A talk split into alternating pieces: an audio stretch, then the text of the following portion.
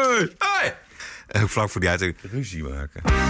This is the TPO podcast. Niemand heeft er zin aan en toch gaat het gebeuren. Niemand zit erop te wachten in Nederland op een avondklok. Het is verschrikkelijk. Famous last words van The Orange Man. Have a good life. We will see you soon. Thank you. Thank you very much. Thank you very much. Hoe anders is Joe Biden? I promise you, I will fire you on the spot. Aflevering 202. Ranting and Reason. Bert Bresson, Roderick Phalo. This is the award winning TPO podcast. Ja, nou. Dat was een geinige bumper. Waar is die van? Ja, die is van eh, Radio Noordzee. Oh, heel oud. Radio. Noordzee, ja. Dat is het station van Ferry Maat. Ik zal nog een keer laten horen als ik het als, als dat Maat! lukt. Ja. Radio 220. Super professionele jingles ook. Dat was echt in de tijd dat ze nog radio konden maken. Ja. Nou, het kunnen ze nog steeds. Ja. Nou ja, oké, maar dit was eh, wel. eh, toen ging dat met bandjes en zo. Ja, exact. Als je dan een, jingle moest maken, dan moest je dat echt maken. Laat, ik- laat ik het zo zeggen. Eindeloos knippen, ja, precies. Nee, het is allemaal tegenwoordig zo veel makkelijker.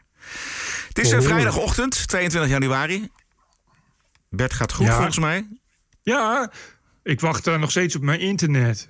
Ik, stel hè, dat je in eh, Amsterdam heb je dat ook. Dan heb je denk ik Ziggo of zoiets. Mhm. Eh, gewoon een, eh, gewoon een, een monopolist.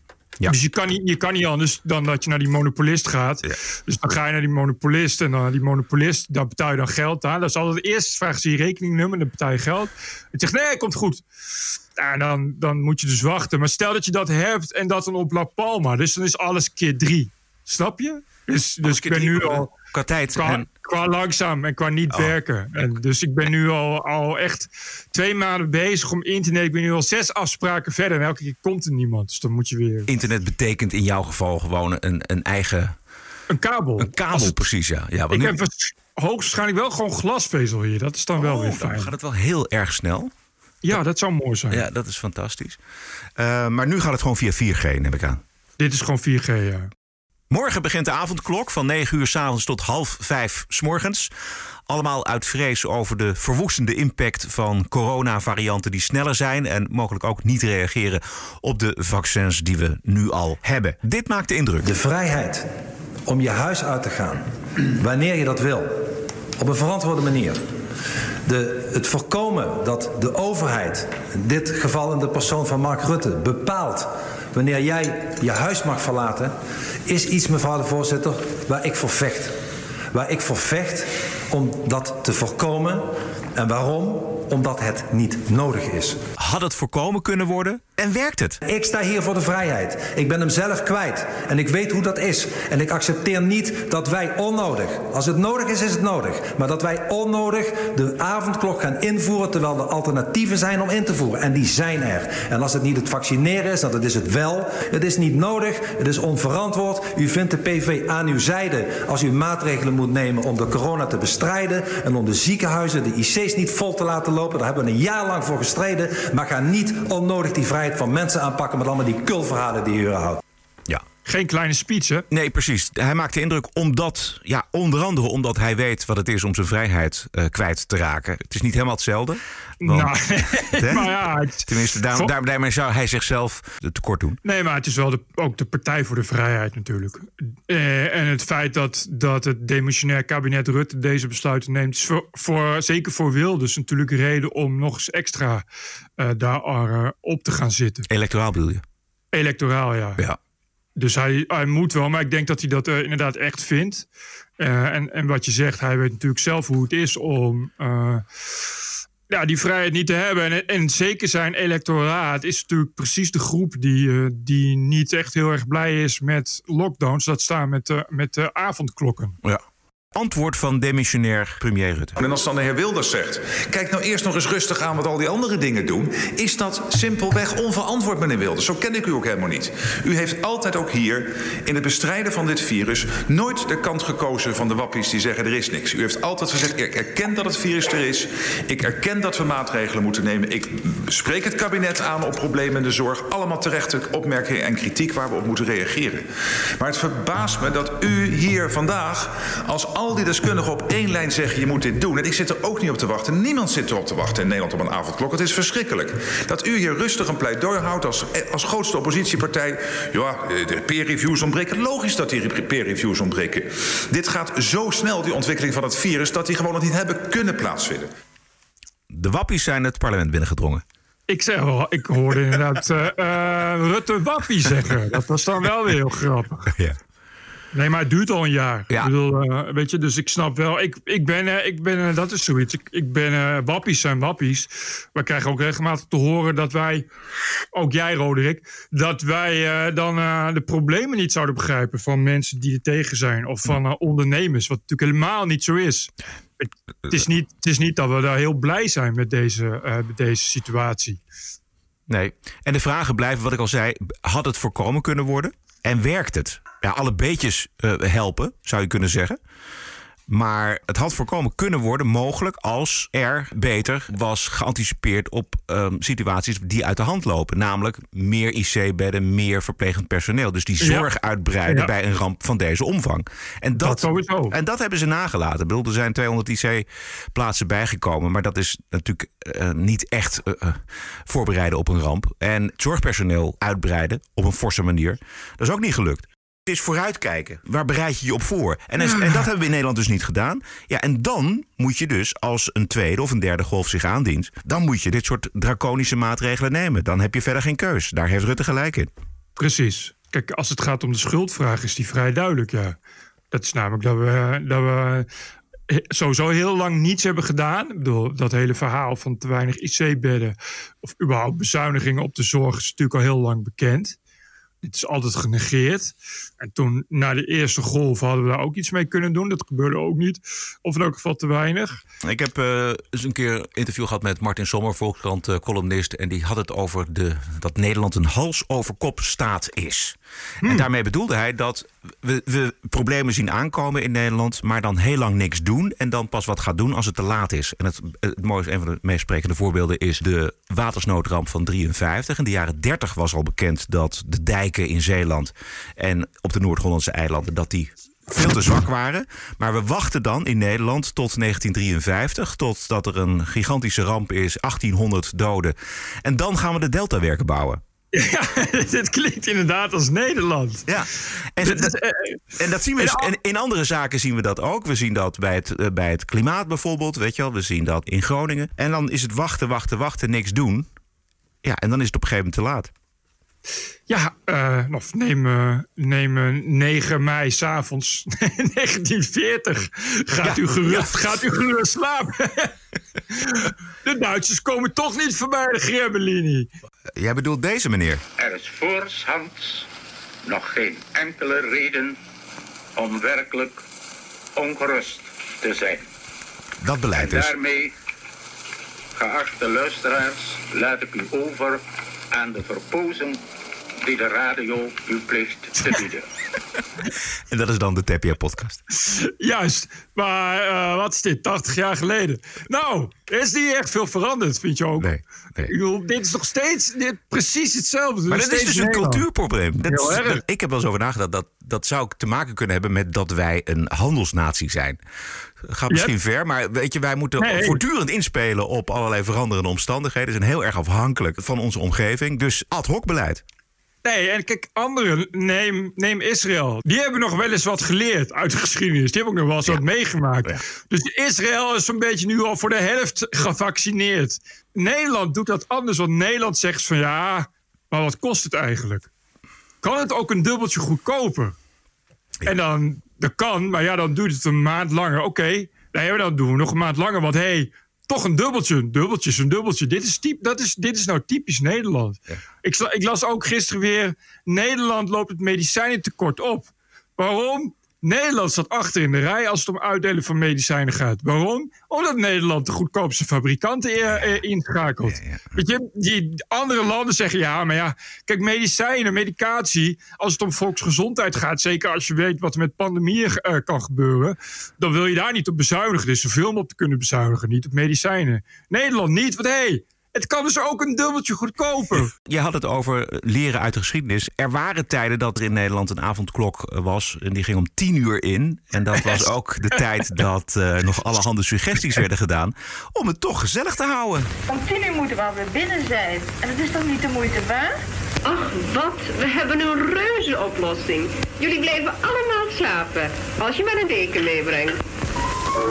Op deze manier hebben de bewoners der kuststrook zich wonderlijk snel weten aan te passen aan de verordening om 10 uur binnen. Het gezelschapsleven kan onbeperkt voortgang vinden. Om de gastvrouw geen extra distributiemoeilijkheden te bezorgen, brengen de gasten hun eigen rantsoen mee. Maar ja, aan deze suggestie hebben we ook niet zoveel, want uh, er mag maar één persoon blijven slapen. En dat kan trouwens best ook gezellig zijn, maar uh, ja. Het is episch hoe dit gewoon naadloos overgaat in die tijd. Ja. Ik begreep dat uh, een half uur winst was, uh, was een onderhandelingsdingetje. Ja. Dat vond ik ook heel grappig. Ja. Dat je denkt van hoe de fuck cares, maar dat ken ik Nee, toch heel belangrijk. Precies. Dat heeft te maken met mensen die naar huis ehm, eh, moeten of die nog een rondje willen lopen. En D66 was daar heel erg Oh. voor. En die moest er ook iets binnenhalen, denk ik, voor de verkiezingen. Nou, D66 die waren twee dagen geleden tegen, maar nu voor. Moeiteloos als een blaadje in een orkaan, hoppake, helemaal omgekeerd. Ja, dat, Moeiteloos. Dat gold voor meer eh, eh, partijen. Wat dat betreft eh, vind ik het toch interessant hoe overtuigend die Rutte kan zijn. Weet je wel? Hij staat dan eigenlijk met 1-0 achter, 2-0 achter. En redt het dan toch nog uiteindelijk in het laatste debat dat hij een meerderheid in de Kamer krijgt voor dit idee. Ja, dat zegt meer over de Kamer dan over Rutte, denk Nee, ik dan. de- als je naar Rutte kijkt, weet je wat. Hij geeft toe dat het voor hem ook een vervelende maatregel is, dat hij het ook liever niet doet. Maar zijn manier van overtuigen en de energie die hij hierin steekt, ik denk dat dat ook mensen in de Kamer over de streep haalt. En uiteindelijk mensen in het land over de streep haalt om toch weer voor hem te gaan. Maar goed, kunnen. Dat laatste is, is inderdaad waarschijnlijk het geval, ja. Zometeen hebben wij een hele leuke Woke-week. En we hebben natuurlijk ook het laatste nieuws uit Amerika. Dus er zit nog veel in het vat in deze TPO-podcast. Maar de vraag is even of we het nog eh, eventjes moeten hebben... over dat andere moment in de Tweede Kamer, namelijk Pieter Omtzigt. Deze CDA-volksvertegenwoordiger had deze week een eh, grote tijl meegenomen naar de Kamer... om het kabinet en de rechtsstaat en de belangengroepen en de ombudsman en zijn collega's... en een deel van de pers nog eens de oren te wassen. Er is hier zo'n innige band tussen het kabinet en de Tweede Kamer. Dat als je een moeilijke vraag zet, jij het probleem bent in het kabinet. Er is zo'n innige band tussen het kabinet en de pers... dat er wel vragen aan het kabinet gesteld zijn... maar die 20, 30.000 ouders... dat die nooit in beeld gekomen zijn in ons land. Daar is iets fundamenteels mis in ons land. Fundamenteels in de checks en balances. En het gaat verder. De rechtspraak beschermt niet.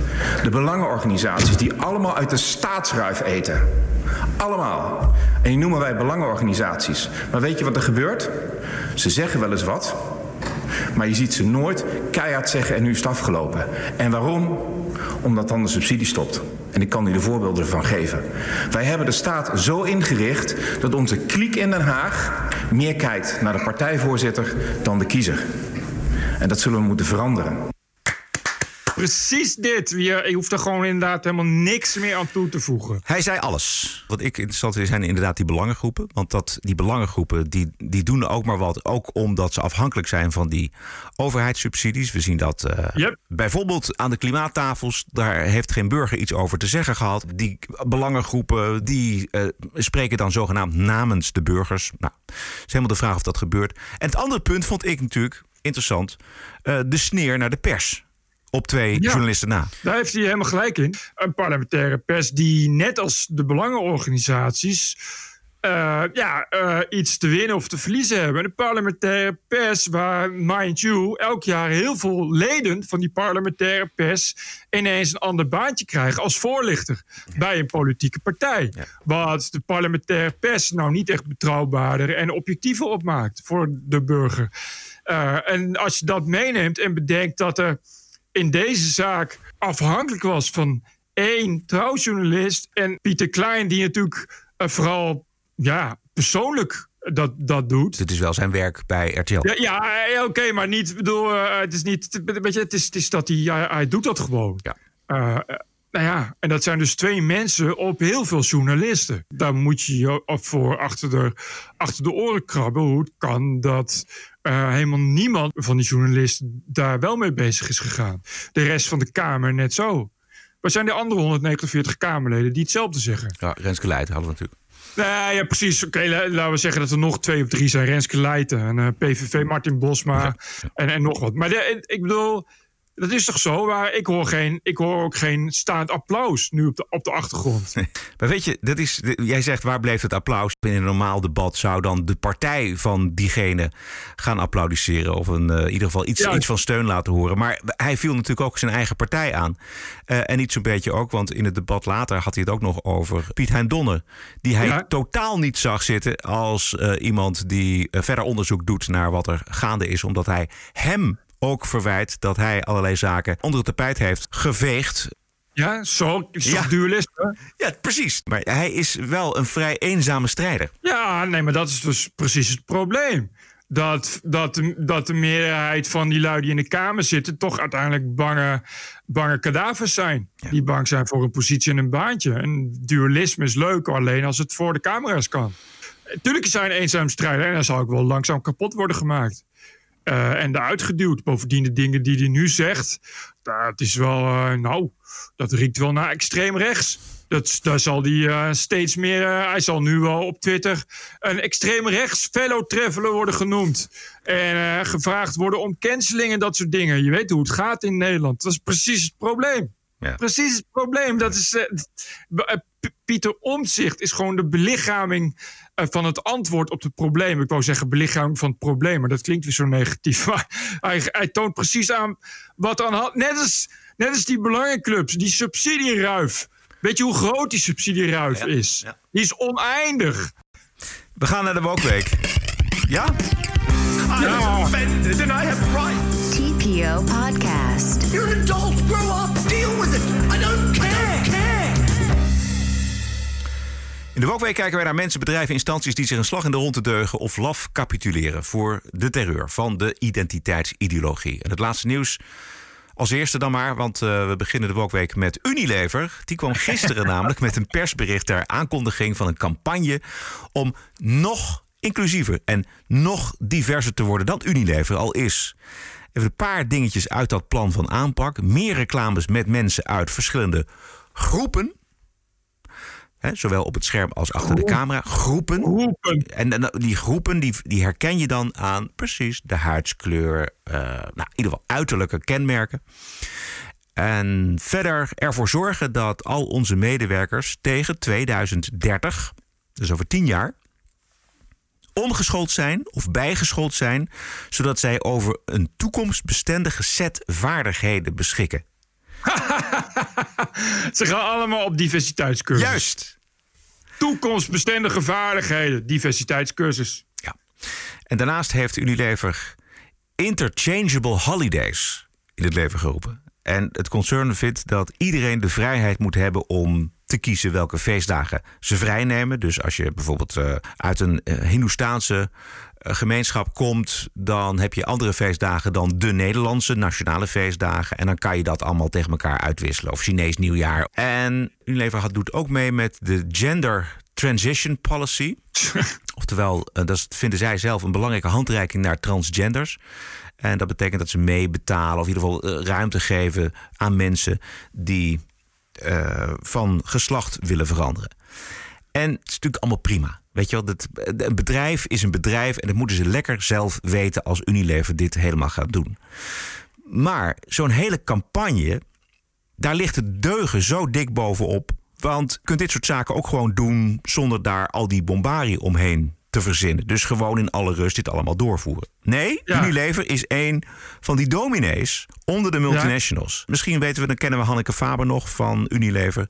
Toen uh, de onderneming met heel veel tromgeroffel een hele maand niet adverteerde op Facebook. Kijk, onze merken horen gewoon niet thuis naast uh, absoluut onware beweringen of, of haatspeech. Hm. Uh, maar aan de andere kant wel ook af en toe een beetje te pionieren, zodat andere bedrijven misschien denken, nou dat moeten wij ook doen. Zeg, even voor de duidelijkheid. We hebben hier toch over dezelfde Unilever die niet meer in Nederland wil wonen omdat ze anders belasting moeten betalen? precies. Toch? En dezelfde Unilever die op grote schaal het milieu verpest in, ik noem eens wat, derde wereldlanden. En gebruik maakt van lage lonen dan wel geen lonen. Ja, ik dan, bedoel, aan het laatste zelfde- willen ze iets veranderen ook. Hè? Dan, dan hebben ze beloofd Ja, om dan uiteraard. te zeggen van nou, iedereen moet een bestaanbaar of een leefbaar inkomen krijgen. Ja, uiteraard. Nee, maar dat, dat Unilever, daar hebben we het over. Ja, dit is ook het Unilever wat sinds 2003 in Iran zit met twee filialen. Ja. Een land waar de ene na de andere sporter wordt geëxecuteerd omdat hij meegedaan zou hebben met eh, demonstraties tegen het regime. En dan kun je hier wel je laten voorstaan op trans- en homorechten, maar in Iran moeten homo's hun geaardheid nog altijd met de dood bekopen. Die worden gewoon opgehangen. Opgehangen, omhoog aan een hijskraan. Onder het toeziend oog van Unilever. Dus waarom horen we daar niks van? Ja. Ja. Ja. ik zou zeggen, Unilever, eh voeg de daad bij het woor- woord en ga weg uit Iran. Nou, ik hoorde dat net, net zeggen. Eh, Unilever wil met bepaalde dingen niks te maken hebben. Nou, je zou denken, Unilever wil dan ook niks meer te maken hebben met een regime dat homo's ophangt. Als, als eerste. Verder, nou, ik hoor het wel, hè, als de topman van Unilever wordt vervangen door een zwarte transgender. Ja, gaat het nou echt om mensenrechten of gaat het om goede sier? Ik denk nou, dat laatste. op produceren. Alleen maar 100% Je had vroeger, dat is ook het mooie, vroeger, ehm, toen had je dit soort bedrijven ook. Maar die maakten dan reclame voor hun producten. Maar dat was vroeger. Tegenwoordig eh, draait het niet om producten. Tegenwoordig draait het om de moraal. Want als je niet de juiste moraal hebt, word je gecanceld. Dus als je niet de juiste moraal hebt, willen mensen je producten niet kopen. Dus het gaat niet meer om producten, het gaat om moraal. Dus laat je zien dat je de juiste moraal hebt. Precies, dat geldt niet alleen voor bedrijven en voor Unilever, maar dat geldt ook voor de autonome kunstenaar. Nee, ik ga echt dat stuk in NSC. ik kon echt, ik heb me daarna opgehangen. Oké. Ik kon het, dat was echt. Oké, voor Ik iedereen die het nog niet gelezen heeft. Ja, dit was een stuk in NRC Handelsblad van afgelopen woensdag. De kop, de autonome kunstenaar heeft afgedaan. En die eis die er nu ligt, gehoorzaamheid aan het super, nieuwe super avant-gardisme. En dat is goed. En dat schreef iemand die wel vaker stukken schrijft voor NRC Handelsblad over ontwikkeling in de kunstenwereld. Maar het is eigenlijk ongelooflijk chockerend. Want waar het inderdaad op neerkomt, wat jij zegt, is. Ja, kunstenaars moeten ophouden met zelf nadenken, zelf hun creativiteit steken in hun werk. Ze moeten eerst te raden gaan bij eh, de Twitter-mops en wat allemaal wel en niet kan, welke moraal gewenst is. En dan mogen ze pas een kwast op een stuk canvas zetten. Ja, eh, wat er stond, de, wat de schrijver schreef. Ik neem aan dat de schrijver gewoon een blanke heteroseksuele man is. Dit even tezijde. Eh wat er stond was dat eh, het juist heel goed is dat er wordt gecanceld. En dat er Twitter-mobs van social justice warriors bestaan die kunst cancelen en cultuur slopen. Want dat is publiek dat terugpraat. Ja. En dat is heel goed als de kunstenaar naar luistert. Want het was ook heel goed dat als je een kunstwerk maakt op een skatebaan van foto's van vrouwen die eh, cosmetische chirurgie hebben ondergaan. En dat je daar een kunstwerk van maakt. En dat je idee is dat mensen daar dan over skaten. Dat dan die gezichten langzaam stuk gaan. Omdat je daar een boodschap over hebt. Dat dat moet worden gecensureerd omdat drie mensen zich gekwetst voelen. Dat vond hij heel goed. Want dat is publiek dat terugpraat. Oké, tot ziens. Ik ga me nu ophangen. Ik vond sowieso NSC over kunst en cultuur is, laten we zeggen, eng. Is echt, als je woke wil, dan moet je NSC lezen. Woken wordt het gewoon niet. Daar is echt de Volkskrant vat erbij in het niet. Ja, en het, is, het gaat allemaal om mensen, eh, bedrijven, kunstenaars, eh, wij, eh, mensen die van zich laten horen, mensen die niet van zich laten horen, dat die zich allemaal aanpassen aan de gewenste moraal. En dat, dat noemen ze dan avant-garde. Ik zag toevallig gisteren een interview, ik kijk wel eens van die interviews terug met Ischa Meijer. En die had het over hoe beklemmend de jaren 60 waren voor hem. Dus niet de jaren 50, maar de jaren 60 waren beklemmend omdat daar ook die moraal was, weet je wel? Die, bedoel, dat de hippies en iedereen. Het moest allemaal heel uniform. Mensen werden ook heel erg ingedeeld. En als je daar dus niet aan hield, dan had je een probleem. Ik vond het wel bijzonder eigenlijk, want ik dacht altijd dat de jaren 60 zo'n eh, periode was Nee. van, van, van volledige vrijheid. Niet dus. Precies hetzelfde. Ja. Als, als je, want ja, als je in 19 eh, zegt, het is 1965, en je bent 17, heb je niet echt een keuze. Dan, dan moet je, dan moet of, je moet of hippie zijn en, eh, en eh, daar blij meedoen. En van de Beatles houden en van Elvis, name it. Of niet. als je dat niet doet, ja, dan word je dus gecanceld. Dan hoor je er niet bij. Dat is natuurlijk precies hetzelfde zoals nu. Precies. Het, als je nu, het is echt volgens mij, als je nu 19 bent en je studeert aan de UVA, ja, dan ga je niet hardop zeggen als je toevallig ook nog uh, christelijk bent of conservatief of zo. Nee. Nee. Of, of, klassieke muziek luistert, ik noem maar wat. Nee. Weet je wel? Sowieso conservatieven worden helemaal uh, weggemarginaliseerd. Maar daarover zometeen ook meer in uh, het Amerika-gedeelte. Maar dat, dat, dat, speelde in de jaren 60 ook. Je ja. moest je afzetten. Ja. Nou, als je dan zomaar ja, het haar uh, wel tot, tot boven de oren afknipte. ja, dat was, dat was natuurlijk duidelijk aan welke kant je stond. Ja. Nee, maar dat, is, uh, dat moet jij nog weten. Uh, dat is wel echt iets van jouw tijd. Uh, atoombom en kruisraketten. Ja, ja. ja. ja als, je daar, als je daarvoor was, waar hele goede argumenten voor zijn, voor, voor, de, voor de verandering, dan ging je dat niet hardop zeggen, denk ik. In, in de tijden van de demonstraties van Woensdrecht. Ja. Dat is wel, uh, als je dan uh, een uh, brandend kruis in je tuin wilde, moest je tegen je buren zeggen dat je voor kruisraket in Woensdrecht was. Ja. Laat ik het zo zeggen. Ja. Wij, ik zat op een school, op zich helemaal geen super linkse school, maar wij hadden wel een economieleraar die dit soort uitjes organiseerde. Dus wij gingen op een gegeven moment met z'n allen nee. naar een demonstratie. Gewoon, ja, dat, daar kun je wel een sticker op plakken. Dan kun je gewoon zeggen, nou ja, weet je, dit is gewoon maatschappijleer, dus dat is wel goed. Maar mijn vader was het daar niet mee eens dat zie je nu in de woke-generatie zo. Dat zie je in de jaren zestig zo. Ja, dat zie je, dat zie je altijd.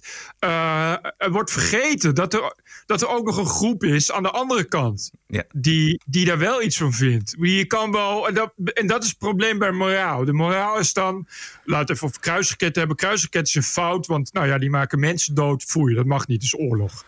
Ze vergeten dat er ook uh, in elke klas kinderen zitten... wiens vader bij het leger werkt. Ja bijvoorbeeld wiens vader uh, in de fabriek werkt waar ze kruisraketten maken. Of wiens vader toevallig uh, uh, een hele andere ideologie heeft. Die vindt dat je wel kruisraketten moet plaatsen. Omdat je nou eenmaal hebt verbonden aan een NAVO. Noem maar eens wat. En, en, dat wordt gewoon weggevaagd. Weet je, alle, alle argumenten, en dat kunnen er zomaar heel veel zijn, ja, wordt gewoon weggevaagd. En dan moet je dat dan maar stiekem doen. De moraal is altijd beperkend. Er wordt een conformisme geëist, wat gruwelijk en eng. En ik ben geen fan van Godwins, maar conformisme. Nou, ja, uh, daar komt niet het mooiste uit naar voren in de geschiedenis. Nee, en dat is toch. Daar hoef je niet alleen een Godwin van te maken. Nee. Weet je, daar kun je er nog een paar van maken. Ik bedoel, op het, op het linkse vlak hebben we daar ook genoeg van ja. gezien. Dus ja. we zouden toch nu een beetje moeten weten. Bovendien, dat is toch altijd datzelfde conformisme waar zij dan mee schermen om te zeggen dat je heel erg moet oppassen. Want, want, uh, want het fascisme. Ja, Terwijl ik denk, exact. nou, dat zou ik. Uh, dat zou ik bedoel, ik zit op Netflix een documentaire te kijken. Dat gaat over de moord op Ro Weder. Weet jij, ik, ik weet even niet de naam, maar dat was de man die vlak na de val van de muur werd vermoord. Uh, dat was de man die leidde de overgang van Oost-Duitsland naar West-Duitsland. Oh ja. Uh, en dat kwam erop neer dat hij eigenlijk eens eentje verantwoordelijk was voor ja, het maximaal slopen van, van duizenden industrieën in Oost-Duitsland. Oh, de privatisering. Ja, ja, ja. ja, dat was de privatisering. Ja, de Trooihandanstalt uh, was dat. Juist, juist. De, dat was de baas van de Trooihandanstalt. Ja, ja. uh, die werd op een dag omgelegd. Daar was een, uh, een sniper die op 60 meter afstand dwars door zijn raam schoot. En hem in zijn hoofd schoot. Hij was op slag dood. en er werd een brief achtergelaten dat het van de van de Rood Armee-fractie zou zijn. Uh, daar wordt dan heel erg aan getwijfeld. Daar gaat ook die documentaire over. Dat ze zeggen van, maar is eigenlijk helemaal niet de Rood Armee-fractie. Waarschijnlijk iemand van de Stasi geweest. Want, nou ja, hij was natuurlijk op de hoogte van het feit... dat er nogal wat miljarden waren verdwenen... Ja. Door, door de Stasi ten tijde van de DDR. Uh, anyway, de, de grap van die documentaire is dat er een aantal uh, ex-Stasi-leden aan het woord komen die zijn destijds veroordeeld tot levenslang. Maar ja, goed, die zijn natuurlijk nu weer vrij, want die hebben hun leven gebeterd. Uh, dat zijn uh, een aantal mensen die ook echt uh, ja, verantwoordelijk zijn voor moorden. goed, ze zijn nu dik in de 60 en in de 70. En die doen een verhaal. En opvallend is dat je dan zegt dat ze allemaal zeggen dat ze radicaliseerden. omdat ze het gevoel hadden dat er geen plaats voor hun was. Okay. Wat, wat echt bizar is omdat het natuurlijk juist een hele grote groep was die sympathiseerde met die Stasi. Maar dan zeggen ze ja, ja, we gingen demonstreren. En dan waren er burgers die je met de nek aankeken. Ja, ja, ja. Dat je denkt van ja, ik weet niet. Vol, volgens mij, volgens mij was er een nog grotere groep die met je sympathiseerde. Maar die voelen zich dan net zo. Die zeiden ja, nee, voor ons hadden we echt het gevoel dat er in Duitsland geen leven voor ons was. Want we werden met de nek aangekeken en uitgejouwd. Het, het, het herenigde Duitsland. Nee, het was in, uh, echt, dit, dit, dit, is een, uh, dit gaat over tweede generatie Rood Armee-fractie. Dit is echt uh, van, de, van de grote aanslagen. Okay, ja, ja, ja oké, jaren zeventig. Jaren zeventig, die begonnen dus hè, met, met protesten tegen het kapitalisme... en mm -hmm. tegen, de, na, tegen ja. de nazi's die weer in de regering zitten, you name it. Ja, en je zou denken, nou, daar was heel Duitsland voor in die tijd. Maar dat was dus niet zo. Je laat ook fragmenten zien. Oh, geweldig documentaire, man. Ik, ik ga meteen kijken. Ik stuur hem zo even door. Ja. Ongetwijfeld van, uh, van de rechtse springen verlag uh, ja. uh, gebruikers. Maar dan zie je ook echt ja, keurige Duitsers die dan, die dan gewoon zeggen... ja, al dat soort werkloos tuig wat op een uitkering leeft... moet ze allemaal tegen de muur zetten. Dat verwacht je niet. Maar er was natuurlijk ook een hele grote groep in Duitsland... die, die, die helemaal niks moest hebben van, ja. al, die, van al die hippies. Van al het protesterende tuig. Want het, ja, het ging natuurlijk keihard tegen hard. We kennen de beelden. Wat later dus die Rood Armee-fractie is geworden, die zijn geradicaliseerd. Ja, omdat ze zich genegeerd voelden in Duitsland. Daar denk je natuurlijk niet bij na. Je denkt natuurlijk iedereen was voor, maar dat is dus helemaal niet zo. Nee, nee. Maar hoe dan ook, wat ik wil vertellen is inderdaad een geweldige documentaire. Ja. Het is echt, echt awesome als je dat allemaal terugziet nou. Voor wie hem um, wil zien, hij heet Roowedder. Dus dat is R-O-H-W-E-D-D-E-R op Netflix. En, en het zijn ook allemaal, dat is echt vet. Het zijn allemaal, uh, ze spreken gewoon allemaal, ja, mensen die de baas waren van de geheime diensten en dat soort shit. Ook aan mensen die van in de statie hebben gezeten, oud-statie-militairen, uh, oud, oud DDM-ministers en zo. Dat het is echt een hele gaaf verhaal. Heerlijk, zo'n documentaire waar mensen in voorkomen die er echt toe doen. Ik moet zeggen dat die statieleden is wel griezelig. Je ziet toch iemand die, nou, die buurman had kunnen zijn, laat ik het zo zeggen. Ja amabele oude man die dan toch vertelt dat hij uh, eigenhandig zes mensen heeft omgelegd. En, en, en daar wel spijt van heeft, maar. Ja, ja, ja, en dan komt er iets. En dan denk je: oké, oké, oké. We gaan door. Want ik heb er nog eentje. Misschien heb jij er nog een. Um, ga je gang. Kent u het coronalied nog? Oh. Voorkomen is beter dan Chinees van de Radio 10 DJ Lex Gaardhuis. Vorig jaar februari bleek dat het liedje heel veel mensen had gekwetst. En er volgde uh, zelfs een aangifte. De geschrokken DJ bood onmiddellijk zijn excuus aan. Maar nu blijkt daarmee de kous niet af te zijn. Het collectief tegen anti Aziatisch racisme heeft bezwaar gemaakt tegen de beslissing van het OM en wil straf voor Gaardhuis. En de vraag is: hoe verzacht een straf de pijn van de gekwetste mensen? Dat vroeg ik me dus ook af. Hè? Hoe, hoe, wat, wat, wat ga je daarmee bereiken? Dit was een hoorzitting, ik neem aan in het kader van artikel 12. Want het, het, OM had eerder al bepaald dat er geen strafvervolging mogelijk was. Ja. Dan kun je dus in beroep. En dan moet, moet de commissie van beroep bekijken of het opnieuw over moet door het OM. Uh, en dan, nou, deze mensen hebben dan ook spreekrecht. Ja, die hebben dus nogmaals gezegd dat ze echt super gekwetst zijn. En dat het heel fijn zou zijn als, als het OM straft. Want dan is er eindelijk wordt er een streep in het zand getrokken. Zodat de DJ's de volgende keer weten dat ze geen glappen oh, moeten maken. Oh, over, over, over Chinese, Chinese menus van witte lijst met, met nummeltjes 626 en ja. kalenders oh. en sambal bij. Wat echt. Ja. Wat echt bizar is. Want uh, uh, ten eerste zijn het glappen. En die blijven mensen altijd maken. En ten tweede is dat glappen niet hetzelfde discriminatie. En ten derde, het OM gaat mensen heus niet slaffen. Omdat het zoiets als vrijheid van meningsuiting. En als je dat niet bevalt, dan moet je maar naar China gaan. Daar hebben ze iets met vrijheid van meningsuiting en straffen. Eén keer per week, elke maandagavond, kijken wij hoe de waarde van twee afleveringen wordt ingeschat door onze luisteraars. En lezen wij ook de reacties. Dus dat is altijd op maandagavond, voor ons dan. Dus dat is de uitzending van dinsdag.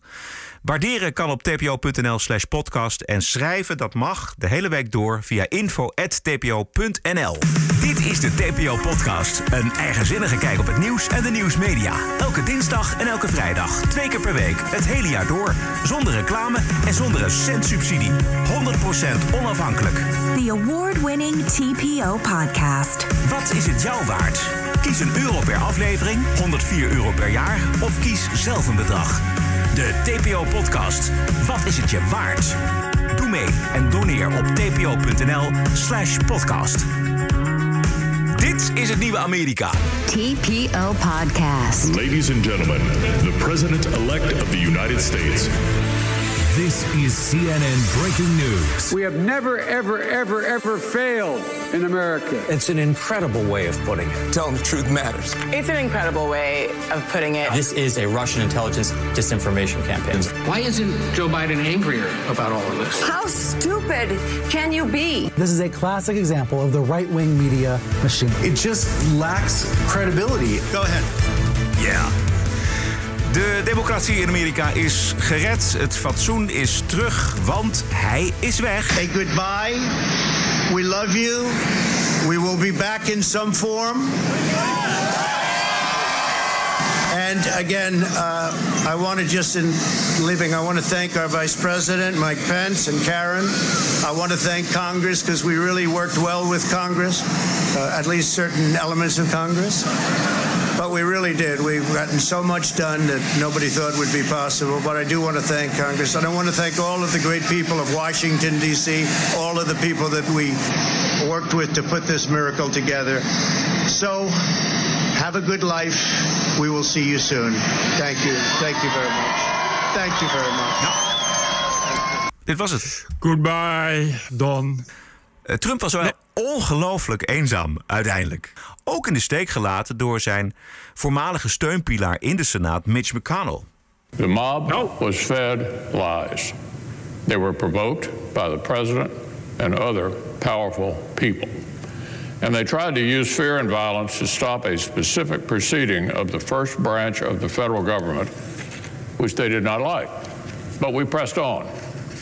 We stood together and said an angry mob would not veto power over the rule of law in our nation, not even for one night. Ja, als je steunpilaar zegt dat jij medeschuldig bent aan de ellende die op 6 januari heeft plaatsgevonden, dan is het echt wel klaar.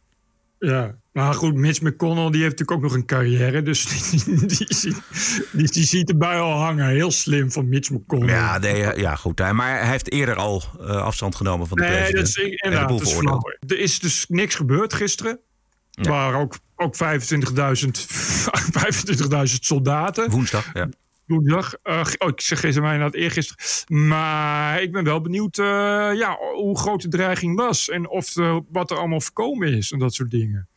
Ik, want ik, ik las wel ook weer bijna als in een deceptie van... Ah, kennelijk, kennelijk toch niks. Kennelijk was ons geloof in complottheorieën net iets te groot. Dat las ik ook in, in liberale media, zeg maar. maar ja, tegelijkertijd denk ik van wat, wat zou er wat zou er voorkomen zijn? Weet nou, je wel? Dat is, dit, precies, dit is een interessante vraag. Want uh, er wordt, zal worden aangestuurd op het grote gevaar. Wat we gezien hebben op 6 januari, dat grote gevaar, dat is veel en veel breder, zeggen, zeggen mensen. Ja. Uh, aan de andere kant kun je ook zeggen, ja, de Nationale Guard was met zoveel mensen uitgerust. Dat, dat kan natuurlijk ook uh, potentiële kwaadwillenden hebben afgeschrikt. Iedereen blij en opgelucht natuurlijk en ontroerd door die inauguratie van Joe Biden tot 46e president van de VS. Behalve natuurlijk 74 miljoen Trump-stemmers. Maar ja, hadden ze maar niet op Trump moeten stemmen. Er zat iemand bij CNN, een commentator, die de lichten langs de vijver, de lange vijver uit het Lincoln Memorial, als armen van Joe Biden zag. Armen die Amerika omarmden. Four years of the Trump presidency and the contrast on display tonight was so stark. I mean, those lights that are that are just shooting out from the Lincoln Memorial uh, along the reflecting pool. It, I look, it's like almost uh, extensions of Joe Biden's arms embracing America. It was a moment where the new president came to town and sort of convened the country in this moment of remembrance, uh, outstretching his arms. And contrast that with that video you just saw of a disgraced president on his way out at his lowest point uh, in his presidency. Oh, dit krijgen Man, wij. man. Dit is het voorportaal van komende vier jaar Oh, CNN-journalisten. Ja. Ik heb echt de afgelopen, afgelopen dagen zoveel pathetische shit gelezen over, over Biden in contrast naar Trump. Het is niet te harde. Ook, het is, kennelijk is het ook iedereen al van overtuigd dat, dat heel Amerika alweer is verbonden. Weet je, dus echt, echt, echt het symbool van verbinding. Terwijl, daar, als er nou iets niet is, is het wel verbinding. Ga weg. Dat is niet zo. Biden is er. That's it. En nu gebeurt er iets heel anders, namelijk het tegenovergestelde van wat er is gebeurd met Trump. Maar er is niks geheeld, er is niks verbonden. En er is helemaal niks verbeterd. Team Kaag twitterde opluchting en hoop is wat ik voel op deze bijzondere dag. Al is het ver van ons eigen land met Joe Biden en Kamala Harris keert het respect en het fatsoen terug in de Amerikaanse politiek. Laten wij zorgen dat de golf van empathie en verbinding op 17 maart ook hier aanspoelt. De nieuwe president Joe Biden houdt iedereen voor dat eh, met hem de meest beschaafde regering van de wereld is aangetreden. En dat hij er persoonlijk op toeziet dat zijn staf zich ook beschaafd gedraagt. En als hij anders ziet, dan. You're engaged in and you're working with the most, the most decent government in the world. But I'm not joking when I say this. If you're ever working with me and I hear you treat another colleague with disrespect, talk down to someone, I promise you I will fire you on the spot. On the spot. Everybody is entitled to be treated with decency and dignity. That's been missing in a big way the last four years. To fire you on the spot. Als je onfatsoenlijk bent. Waar, waar doet dat nou aan denken? Ik ontsla je op staande voet. Wie is daar nou groot mee geworden op de Amerikaanse televisie? Donald Trump. Ja, exactly. Nee, maar dat, dat is wat ik bedoel. Dit is precies hetzelfde, alleen dan omgekeerd. Weet je, dit, nu krijg je dus... Dit is gewoon een fatsoensoffensief. En, en wat gebeurt er met een fatsoensoffensief? Dat fatsoensoffensief is een heel belangrijk offensief... omdat je daarachter van alles kunt verbergen. En ik weet nu al dat Joe Biden... die heeft nu natuurlijk wel uh, uh, als, als, als om te beginnen in zijn eerste honderd dagen goed uit de bus te komen. Hè, nieuwe migratiewet en iedereen is weer welkom en we schaffen de muur af. En straks, als het fatsoen offensief goed uitgerold is, gebeurt er precies hetzelfde als onder Trump. Dan worden er weer mensen opgepakt en in kooien gezet. En worden er weer kinderen van hun ouders gescheiden, omdat dat nou eenmaal de wet is. Dat gebeurde onder Obama namelijk ook al. Alleen hoorde je de media daar niet over. En dat, dat is precies hoe het gaat in de, in de komende nou, tijd. We zien natuurlijk nu al de beelden van al die um, duizenden mensen die de gevaarlijkste tocht maken naar de grens met de Verenigde Staten. Omdat zij denken uh, dat Joe Biden uh, wel ze zal toelaten. Dus dat, dat is een, een leidensweg die nu plaatsvindt. Dat hebben we eerder gezien in Europa. Ja. En dat pakte fantastisch uit. Dus ik mag nu alvast alle kiezers van Joe Biden en de Democraten die er zo blij mee heten, mag ik nu alvast een heel warm, warme tijd toewensen met de enorme ongebreidelde karavaan aan asielzoekers die nu Amerika naar binnen willen. Want Joe Biden heeft al eenmaal gezegd, soort of dat ze welkom zijn. Want hey, Joe Biden, fix it, toch? Maar Biden zal toch niet die muur gaan afbreken? Hij heeft gezegd dat hij, dat hij direct stopt met die muur, toch? Ja, stoppen met, met, met bouwen, verder bouwen. Maar dat ding weer afbreken zou een onvoorstelbare kapitaalvernietiging zijn. Nou ja, dat uh, lijkt mij ook. Dat, ik weet het niet. Ik heb Voor zover gezegd er staat. Nee. Voor zover die staat. Maar in elk geval dat er wordt gestopt met bouwen. Fatsoen, hoop, respect, empathie en verbinding. De democraten fanboy op CNN, Don Lemon. So stop saying we must listen and we must respect. You lost. Juist, dit gaat over de 74 miljoen Trump-stemmers. You lost. People listened to you for the last four years, and guess what? They didn't buy the whatever it is that you were selling. The shit. Okay? so Ja, Don. 74 Ja, miljoen Don. Amerikanen, j- jullie moeten je bek houden. Dat is eigenlijk wat hij zegt. Ik ben benieuwd waar Don het de komende vier jaar over gaat hebben. Zonder Trump. Er wordt opgeroepen om Trump-supporters in de gaten te houden. Op te zoeken. Ik, ik zag het. En aan te geven. En niet door de eerste de beste. Een andere Don, Don Winslow, is een succesvol schrijver... die ook filmpjes maakt als deze. Radical extreme conservatives, also known as domestic terrorists. They are hidden among us, disguised behind regular jobs. They are your children's teachers. They work at supermarkets, malls, doctors' offices, and many are police officers and soldiers. For more than a decade, Donald Trump has spoken directly to white supremacists in their language. This is what we need now more than ever an army of citizen detectives. I'm proposing we form a citizen army. Our weapons will be computers and cell phones. We, who are monitoring extremists on the internet and reporting their findings to authorities. Remember, before the Navy SEALs killed Osama bin Laden, he had to be found. He was found by a CIA analyst working on a computer thousands of miles away. It's up to you. Ja, de Stasi is een amateurclub vergeleken met de informanten die verzameld kunnen worden met de oproep van deze bestseller-auteur, Don Winslow. Ik ben bang dat Don Winst ook een beetje zijn eigen verhaal is gaan geloven. Uh, dit is wel heel spannend allemaal. Maar je moet in die tekst zou je uh, het woord Donald Trump supporters moeten vervangen door Joden. Of noem maar, maar wat. Mhm. Kijk hoe leuk mensen het dan vinden. Want het, dit is echt uh, Trump supporters komen je kinderen halen en hun bloed drinken. Dit zet een sfeer in die Amerikaanse samenleving die een, voor een heel veel ellende gaat zorgen de komende vier jaar. Als Joe Biden hier niet een eind aan maakt. Want de voormalige baas van de CIA, die, die John Brennan, die weet dat uh, de inlichtingengemeenschap, hij noemt het de Intel Community alles uh, aan het uitpluizen is over die fanatieke Trump-aanhang. Zelfs libertariërs zijn in het vizier van de nieuwe president.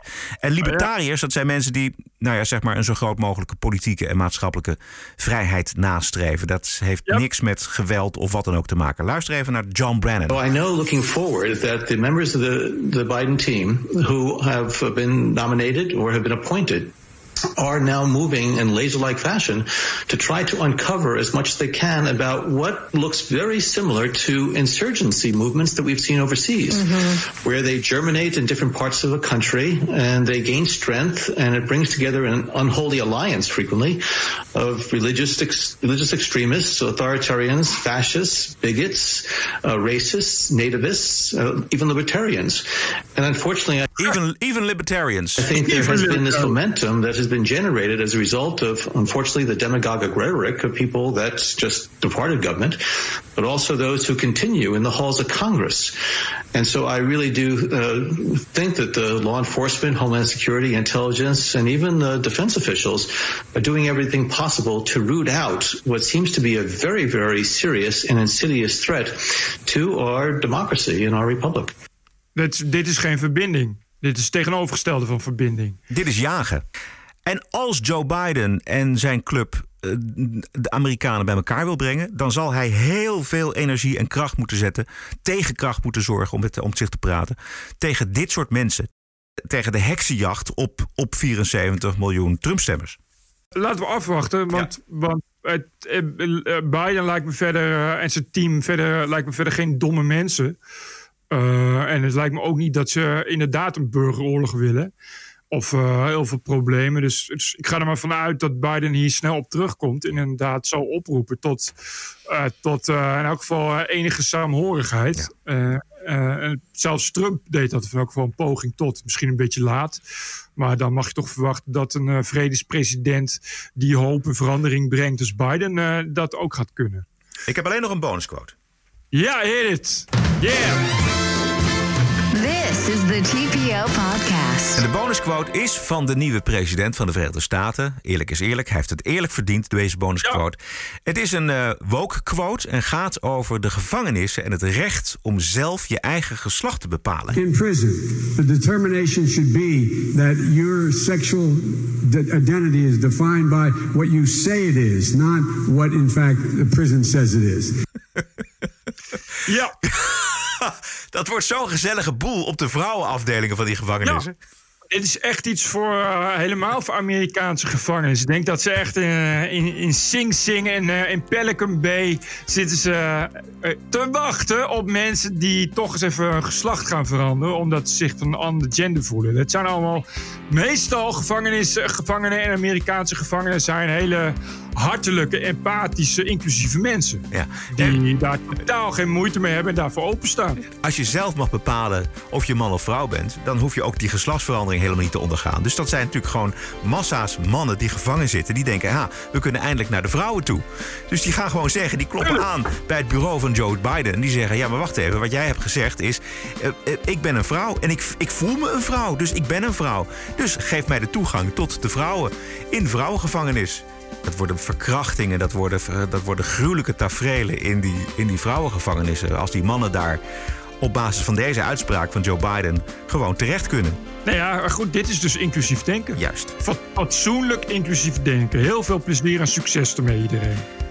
De TPO-podcast is te vinden op iTunes en Spotify en natuurlijk op tpo.nl. Zeer veel dank voor de ondersteuning van deze aflevering 220. Post kan naar info.tpo.nl en waarderen kan op tpo.nl slash podcast. We zijn terug dinsdag 26 januari. Stay cool en tot dinsdag. En tot de volgende keer.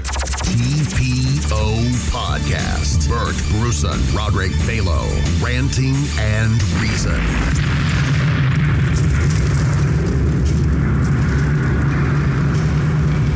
The spot. Everybody. Podcasting is the TPO podcast in the Netherlands. Bert and Roderick. What a show. I'm telling you.